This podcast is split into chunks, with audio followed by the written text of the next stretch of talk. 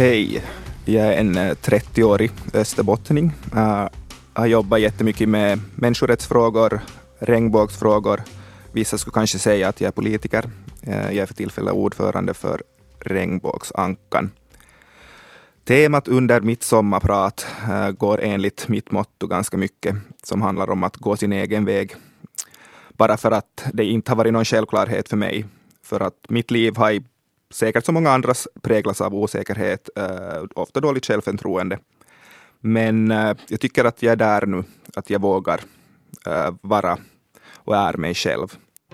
Jag heter Oskar Olis och jag är sommarpratare idag.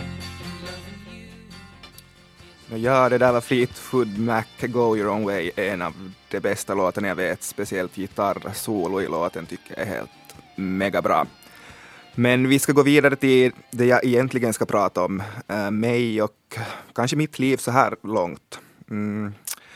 Jag heter då Oskar uh, och jag är född i en vanlig arbetarfamilj i Vörå Uh, min mamma jobbar inom sjukvården och min pappa var brandman, men han är nu pensionerad. Man skulle säga att, att det är en helt, helt vanlig familj, helt enkelt. Och morsan körde Mazda, farsan körde Volvo, själv körde man Helkama, senare Tunturi. En idyll, skulle kanske många säga, eh, utan större bekymmer. Eh, livet, livet är som så problemfritt när man är, man, man är barn. Man, tänk, man, man funderar inte så mycket. Och och man lever i sin egen lilla värld. Eh, och man tror, eller trodde då att världen, världen var god och, och alla människor lika så, vilket man senare kanske har förstått att det inte är så. Min uppväxt var trygg. Jag idrottade mycket, vilket man nu gör i, i Vörå eftersom det är en idrottskommun och, och så vidare. Eh, uh, idrottade med allt, allt från, från friidrott, fo, fotboll och slalom och, och så vidare.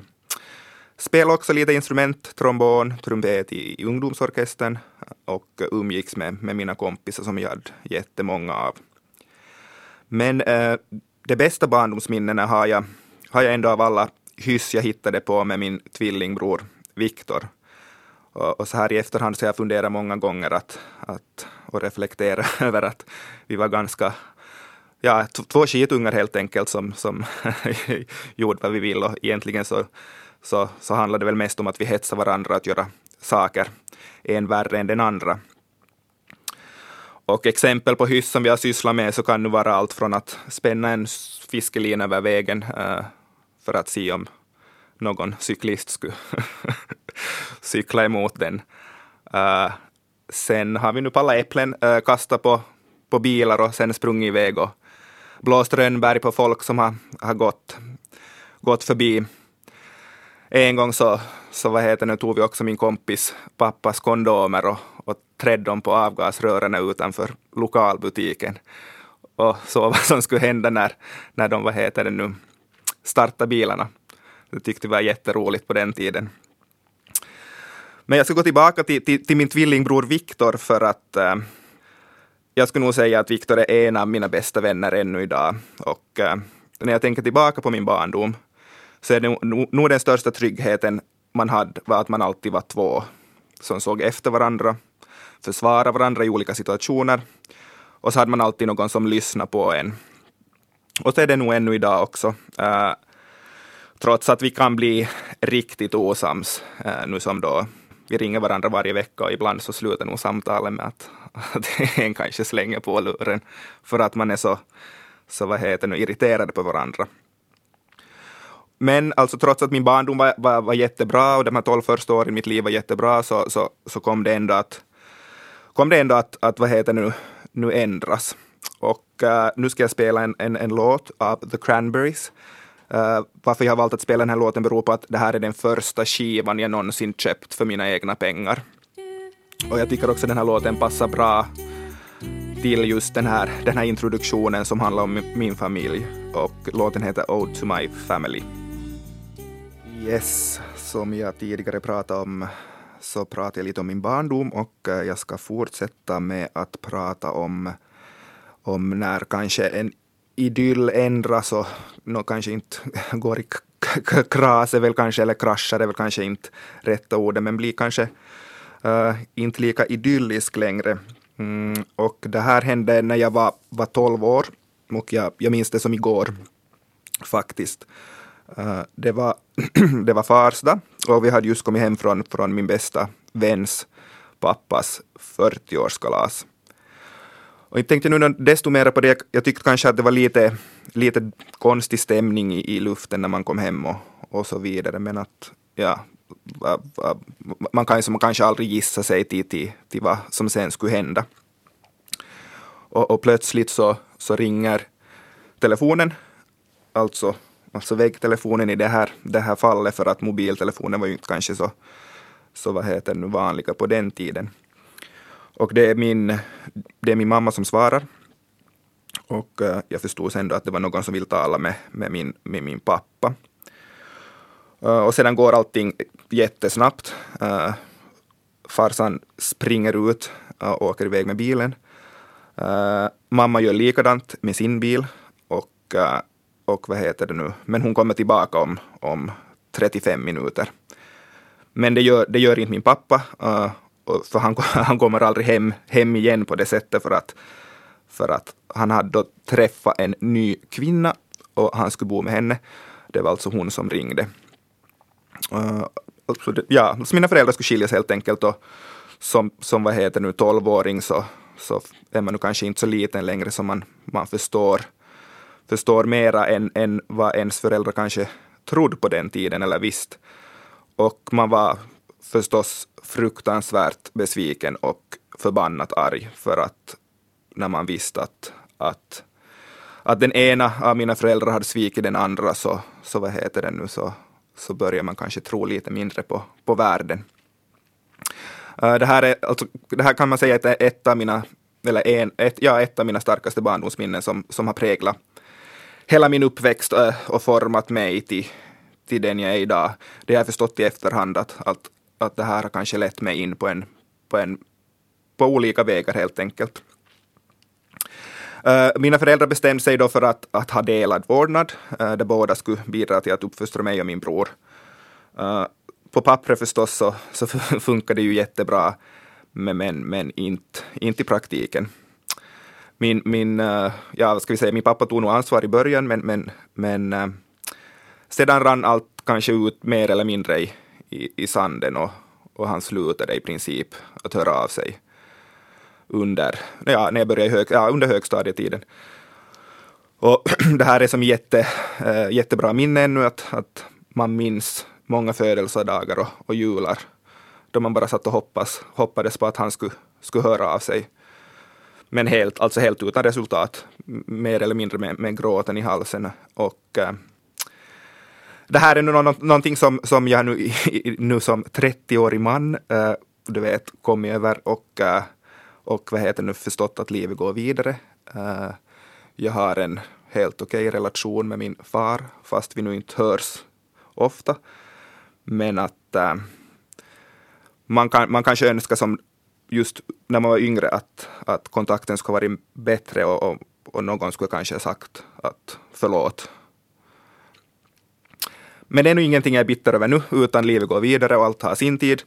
Men vi ska istället prata lite om, om, om min mamma, för det är den person som jag äh, beundrar mest i hela världen. För hon fick faktiskt dra, dra hela lasset själv och äh, uppfostra mig och min bror. Hon jobbade flera jobb för att ha råd att ha kvar huset och försörja hela familjen. Och jag skulle nog säga att äh, min mamma är den starkaste kvinnan jag känner. Och ja, hon är min förebild som jag tidigare sa. Hon lärde oss massor om livet som, som faktiskt har tagit mig dit jag är idag. Att man inte får någonting gratis och att, att det bakom varje framgång ligger hårt jobb, vilja och riktigt, ja, jävlar anamma. Eh, det här fick oss också att skaffa våra första jobb vid 14 års ålder för att, för att också själv hjälpa till och, och bidra till, till att familjekassan skulle, skulle vad heter nu, inte, inte sina. Um, hon gav oss jättemycket kärlek, trodde på oss, lät oss göra misstag och uh, lärde oss att tro på oss själva, att, att ingenting är omöjligt. Uh, hon lärde oss också att ifrågasätta och, och kämpa för det vi tror på. Eh, vilket jag nu också tror att det var det som, som sådde det här fröet till att, att bli intresserad av politik och, och ändra samhället till det bättre. Eh, och därför är jag också jätteintresserad av just sådana här socialpolitiska frågor som har just med barns rättigheter, ungas rättigheter och så vidare.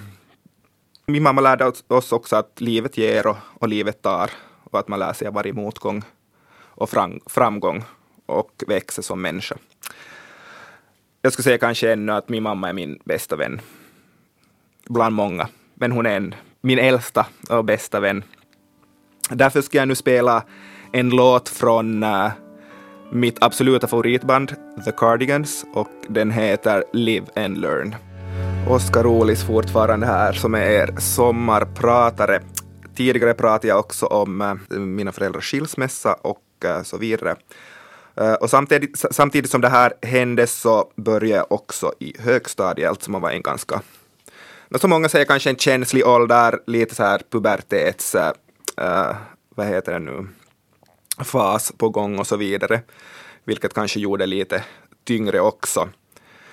Men jag hade faktiskt sett fram emot att börja i högstadiet jättelänge, eh, mest för att no, ja, man, man kanske ansågs som lite mer vuxen och, och lite mer ja, st stor, så att säga. Eh, så fram emot att få nya vänner i och med att, i och med att vad heter det nu, det kom från tre olika kommuner, Vör och Oravais Maxmo samlades till en högstadieskola.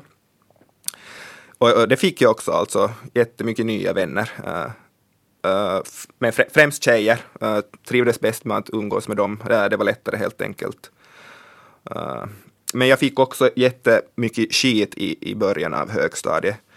Eh, jag var tjock, jag har alltid varit ett runt barn med runda kinder och tyckte om att småäta kex och choklad. Nej, skämt åsido.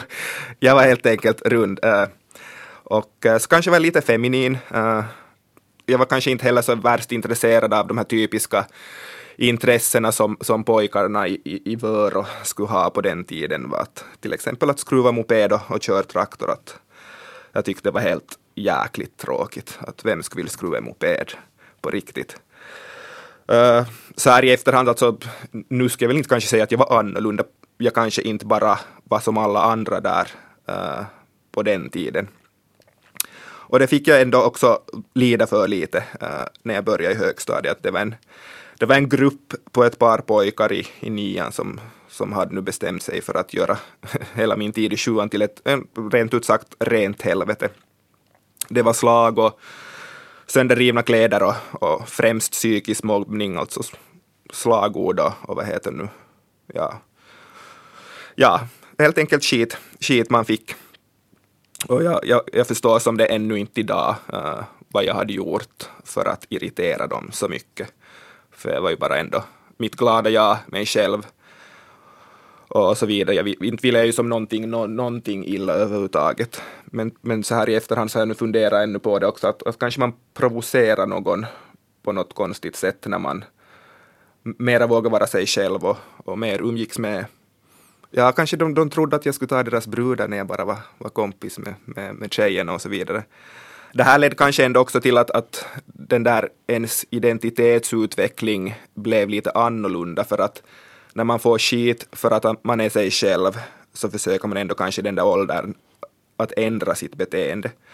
Kanske bli mer tuff, uh, bli mer så här, ja vad ska man säga, macho, uh, riktigt så här, uh, ja bli tuff för, för att platsa in helt, helt enkelt och inte sticka ut, inte vara annorlunda. Uh, helt enkelt vara någon annan än man egentligen är. Uh, jag skulle gå, gå, in lite på det här med homosexualitet eftersom jag, för, jag tror att alla som lyssnar på det här förstår att jag är homosexuell. Och det förstod jag själv redan när jag gick i, i, i, i lågstadiet. Men det här bestämde jag nu också under högstadietiden att, att helt förtränga fullt ut med, med alla medel för att jag var helt säker på att, att de här som, som gjorde livet lite mindre bra under en period så skulle helt enkelt ta livet av en om det, om det skulle få veta. Men, men alltså det blev en, alltså, nu ska ni inte tro att hela mitt, min högstadietid var ett, ett, ett rent helvete, utan det var nu en, en viss tid där som man fick lida och man undvek att gå till olika platser och så vidare och, och, och sånt i skolan. för att situationen lättade ändå just när de här gick ut, ut vad heter nu högstadiet och åttan och nian blev bättre. Alltså jag fick inte skit varje dag men var ändå, ändå tvungen att, att vara var på min vakt och undvika vissa, så att, vissa situationer för att inte bli utsatt. Och det här har jag jättestarka minnen av också. Att, att jag minns att jag var på någon fest i, i Maxmo skärgård hos en av mina goda vänner och var tvungen att låsa in oss, jag och min bror som också fick mycket skit av de här typerna, låsa in oss i ett sovrum för att de kom dit med något slagträ och skulle slå, slå oss och så vidare. Det gick så långt så vi måste ringa polisen till och med. Uh, sen när man gick, började gå på ungdomsdanser så var det nu i många fall att man antingen satt man och tryckte i någons bil eller så satt man inne i själva lokalen för ut kunde man inte gå för att man skulle kanske få på käften i slutet av 90-talet så, så är allt, allt är som så norminriktat. Speciellt, jag vet inte hur det är idag, det har säkert ändrat, det har blivit bättre på den, på den österbottniska landsbygden. Uh, man styrs jättemycket av grupptryck, vilket jag tror man gör ännu idag, uh, att vara som alla andra. Pojkar ska vara pojkar och, och flickor ska vara flickor. Till exempel, mycket som jag upplever från, från högstadietiden också, att, att, som var helt ganska no-no, som kille fick man inte vara intresserad av att Eh, av att, av att klä sig, du vet, modernt, modekläder och så vidare, för då var man en fjolla direkt. Uh, man skulle typ, skulle man vara riktig, en riktig, riktig, du vet, så här tuff börokille som skulle, du vet, inte få skit, så skulle man ha bomberjacka, svarta jeans, stålhättor och en keps. Och då, då, då var man så här jättepop. Och så vidare. Eh, och, och, ja, tjejerna skulle kanske vara mer intresserade av utseende då och sånt och, och, och, inte, inte på det sättet. Sen är det, du vet, man, man är också pluggar man och studerar man flitigt så är man också mer utsatt för att man är en jävla tönt och så vidare. Så att högstadiet är nu ganska så här, för mig eh, minns jag det sist och slutligen ganska vagt för att jag tyckte att det var, det var ingenting för mig. Eh, jag tyckte ibland att jag var över andras nivåer på det sättet att jag, jag som inte, jag behövde som inte göra de här tonårsgrejerna på samma sätt. Och sen så gick det så mycket energi åt att, att försöka spela en, spela en annan roll för att platsa in. Det bästa minnen jag har ändå från högstadiet är alla fina kompisar som man ändå fick och som, som alltid ställde upp och försvarade en och, och stod på en sida. Att jag minns jättebra en kompis, eh, en tjej, vi var på en ungdomsdans och sen kom en av de här killarna och skulle trakassera en så, så hon gav honom en rak höger i fejset bara och sa att ingen, ingen bråkar med, med Oskar. Och det är ju sånt man minns och så, sånt som man uppskattar. Och här under min så träffade jag också min, min allra bästa vän Linda och vi är fortfarande bästa vänner trots att, att vi bor i olika länder nu för tiden och, och vi kom då att hänga, hänga tillsammans äh, ända från högstadietiden tills studietiden i Vasa innan vi skildes åt och bodde på samma orter. Och i högstadiet så var det också som, som jag blev intresserad av politik, för jag tyckte det här som jag hade blivit utsatt för var jätteorättvist och istället för att nu bara gräva ner mig i skiten så försökte jag hitta vägar att försöka ändra på sånt här. Det var en lättnad att få börja gymnasiet. Nu ska vi gå in lite på någonting som jag kanske ser som en, en jättepositiv och rolig tid i ens liv. Och det ska jag säga var, var gymnasietiden. För att äh, jag vet inte, kanske kändes som en, en känsla av frihet att få börja i en skola som man själv hade valt att söka till. Äh, och, äh, och få nya vänner med, med kanske mer liknande intressen. Vilket också betydde att man kanske vågar vara med sig själv. Eh, gymnasiet ändå kanske inte ur, mitt, min, min, min, mina, ur mina erfarenheter så det är inte kanske på det där sättet att man ska vara på ett, på ett visst sätt utan det är mer accepterat att, att få vara med sig själv.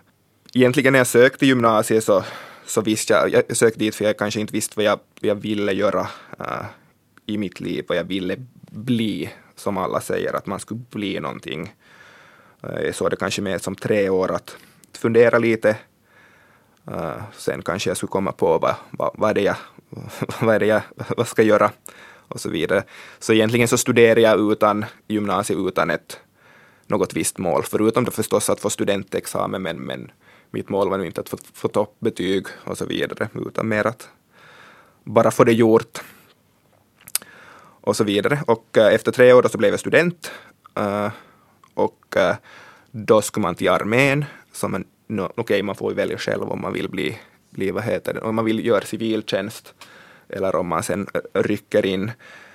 Här så var det nu mer eller mindre att, att, att, ja, att man rycker in i armén eller far in i armén bara för att, för att eh, uh, no, ja, om, inte, om inte man skulle göra det på den tiden så var det mer kanske sådär att, att jävla med så varför far inte du i armén? Och det, det, var nog kanske en osäkerhet också att, att, att, att, att det gör man, far i armén för att det hör till. Man funderar inte så mycket mer på det. Och uh, armétiden, ja, den gav nu mig inte precis mycket, alltså helt okej. Eh, okay. Uh, så vidare, det är ju, det är ju ett, ens liv är ju planerat från morgon till kväll och man behöver inte tänka så mycket själv. Så att, sen var det också det där jargongen som går där i, i stugorna och så vidare, så kanske inte är, vad heter det, någonting man som homosexuell man kan förknippa sig själv med. och eh, när jag var i armén så, så, vad heter det nu, så sökte jag in till olika högskolor uh, i, och kom in vid Åbo Akademi Vasa och för att studera socialpolitik. Uh, på den tiden när jag kom in så visste jag nu inte så jättemycket vad egentligen vad socialpolitik innebär, men sen så här i efterhand har jag förstått att det var ett rätt val av mig att börja studera det. Uh, och det här ska också präga, alltså när studietiden börjar så ska jag säga att, att det är en det är också en av, mina, eh, en av de bästa tiderna i ens liv, för att det, det handlar så mycket om, om, frihet. För det första fick man flytta själv äh, till egen lägenhet. Och äh, ingen sa åt en att, eller sa åt en när man inte kom på föreläsning. Man fick helt enkelt ta sovmorgon när man ville.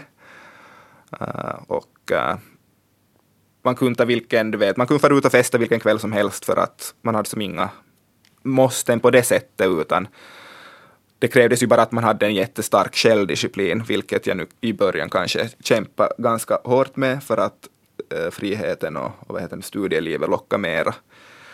Vilket nu fick också mig att engagera mig jättemycket i, i vad heter det, föreningsaktiviteten vid, vid universitetet och sen också kårverksamheten.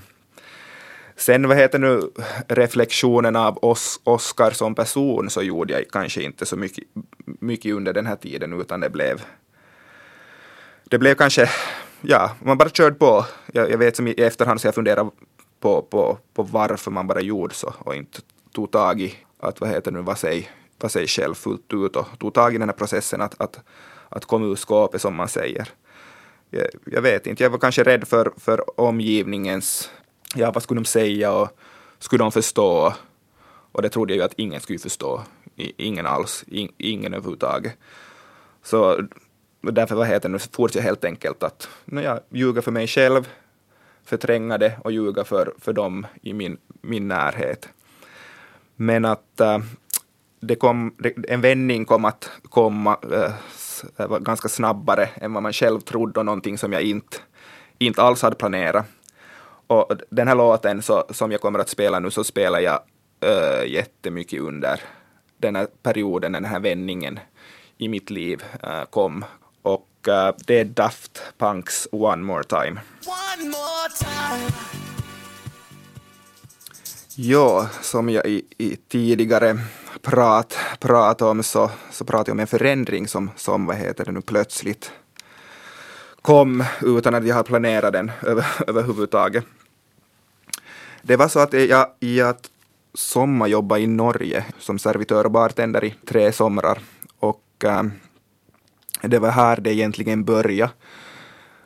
Som jag tidigare nämnde så var jag äh, under högstadie och gymnasietiden också en del av studietiden äh, överviktig och så vidare. Men under Norgetiden så, så jobbade jag helt sjukt mycket och börja prom promenera och eh, helt enkelt la, la om mina matvanor bara. Alltså, det var som inte planerat att jag skulle gå ner i vikt. På ett, jag, jag skulle vilja bara bli hälsosammare. Så här i efterhand så förstår man ju att, att just ett sånt där beslut som leder till att, att man går ner i vikt. Men jag hade som aldrig trott att jag under två års tid skulle nästan, uh, under två års tid så gick jag ner nästan, ja, över 45 kilo i vikt. Och uh, det var ingenting jag hade planerat jag var nöjd när jag hade gått ner 20 kilo, men sen gick det av bara farten uh, och jag gick ner ja, 45 kilo. Och det här förstås så, så ökar ju ens självförtroende helt sjukt mycket. Och eh, ja, man, man förstod det inte själv för plötsligt var man ju helt, man var helt sjukt snygg plötsligt och fick en massa komplimanger av människor uh, och så vidare. Och man kunde som köpa snygga kläder som satt bra, och, och, samtidigt så, så, så, här i efterhand så jag som funderar jättemycket på det här också, att, att, det, att det är så svårt att förstå hur människor ser så annorlunda på en efter man har gått ner i vikt. Att hur mycket utseende sist, alltså sist och slutligen styr. Att äh, jag var ju precis samma människa ändå äh, som jag var tidigare, fast i en, en lättare kropp och så vidare. Och någonting som jag också kom att tänka på att, att när man var överviktig så var det ingen som kommenterade att, att nu är du lite för, för stor, att skulle det kanske vara bra att, att träna lite för att må bättre. Men sen när jag gick ner så här mycket i vikt så var det jättemånga som sa åt mig att ja, alltså nu börjar du nu bli för smal, alltså är du, är du säker på att det här är sunt? Vilket jag i efterhand också har insett att äh, tog en tid för mig att huvud och kropp kopplas samman, att man förstår faktiskt att man har gått ner så där mycket att, att det, man måste riktigt säga åt sig själv i slutet att när man har gått ner så där mycket att, att nu måste man sluta, äh, vad heter det nu, för annars börjar man se ut som ett skelett. Men som sagt, alltså den här hela viktnedgången så, så gav mig ett, ett jättebra självförtroende och äh, gav mig ny energi. Och, och, jag förstod som att, att, att allt är möjligt och, och, och, det här var kanske det som, som vad heter det, satte igång den här min komma ut-process som var ändå jag tog två och ett halvt år från, från att jag hade bestämt mig att, att komma ur skåpet tills att jag verkligen kom ur skåpet. Och sen när jag väl kom ur skåpet så, så gjorde jag det först för, för två av mina bästa vänner och uh, sen för min familj. Och uh, alla mina vänner tog det jättebra. Uh, det gjorde också största delen av min familj. Medan, medan vissa kämpade med det en, en tid och, och hade svårt med det. Och sen insåg jag bara att, att jag kan inte som människa bara kräva direkt att ni ska förstå hur det är, utan jag måste också, jag har fund, det är någonting jag funderar på i, i nästan 20 års tid, eh, äh, 15 års tid, att vad heter det nu, vem jag är. Att jag måste också ge er tid att vad heter det nu, bli, bli vad heter det nu, vana med, med, med det nya jag så att säga, fast jag nu var samma människa. Och sen efter det har det gått skitbra, jag har inte fått någon skit eller någonting och, och alla mina vänner accepterar mig för den jag är det gör min familj också. Uh, när, jag, när jag kom ur skåpet och så vidare så var ju förstås du vet, världen öppen och, och uh, det var jätteroligt att dejta och så vidare och man vågar vara sig själv. Och, och här träffade jag faktiskt uh, Jesse som, som jag har varit tillsammans med nu i, i fem år och Jesse är nog mannen i mitt liv och mitt största stöd i, i livet. Uh, trots att, att, att vi, vi kommer från helt olika delar av Finland, Jesse från Kuopio och jag är från svenska Österbotten, så, så är, vi, är vi jättelika och ändå olika. Och, och Jesse är den som kanske har fått mig att, att vad heter det, fortsätta tro på mig själv, vara mig själv ännu mera fullt ut, uh, vara mer spontan, ta dagen som den kommer, inte stressa för mycket. Oskar Olis här fortfarande, er sommarpratare idag mitt råd till er, eh, förutom att önska er en, en trevlig sommar, är att, att trots att det här låter jätteklyschigt och en massa klichéer så tror jag att det är sant. Att, att man ska leva här och nu och man ska följa, följ sitt hjärta, vara mer spontan och gå sin egen väg och, och vad heter det nu, i inte fundera så mycket. Allting brukar nog ordna sig till sist. Därför ska jag spela nästa låt till Jesse faktiskt och eh, det är The Cardigans igen eftersom det här bandet är så jäkla bra och den här låten är, är sjukt bra så vill jag spela den och the, låten är You're the Storm.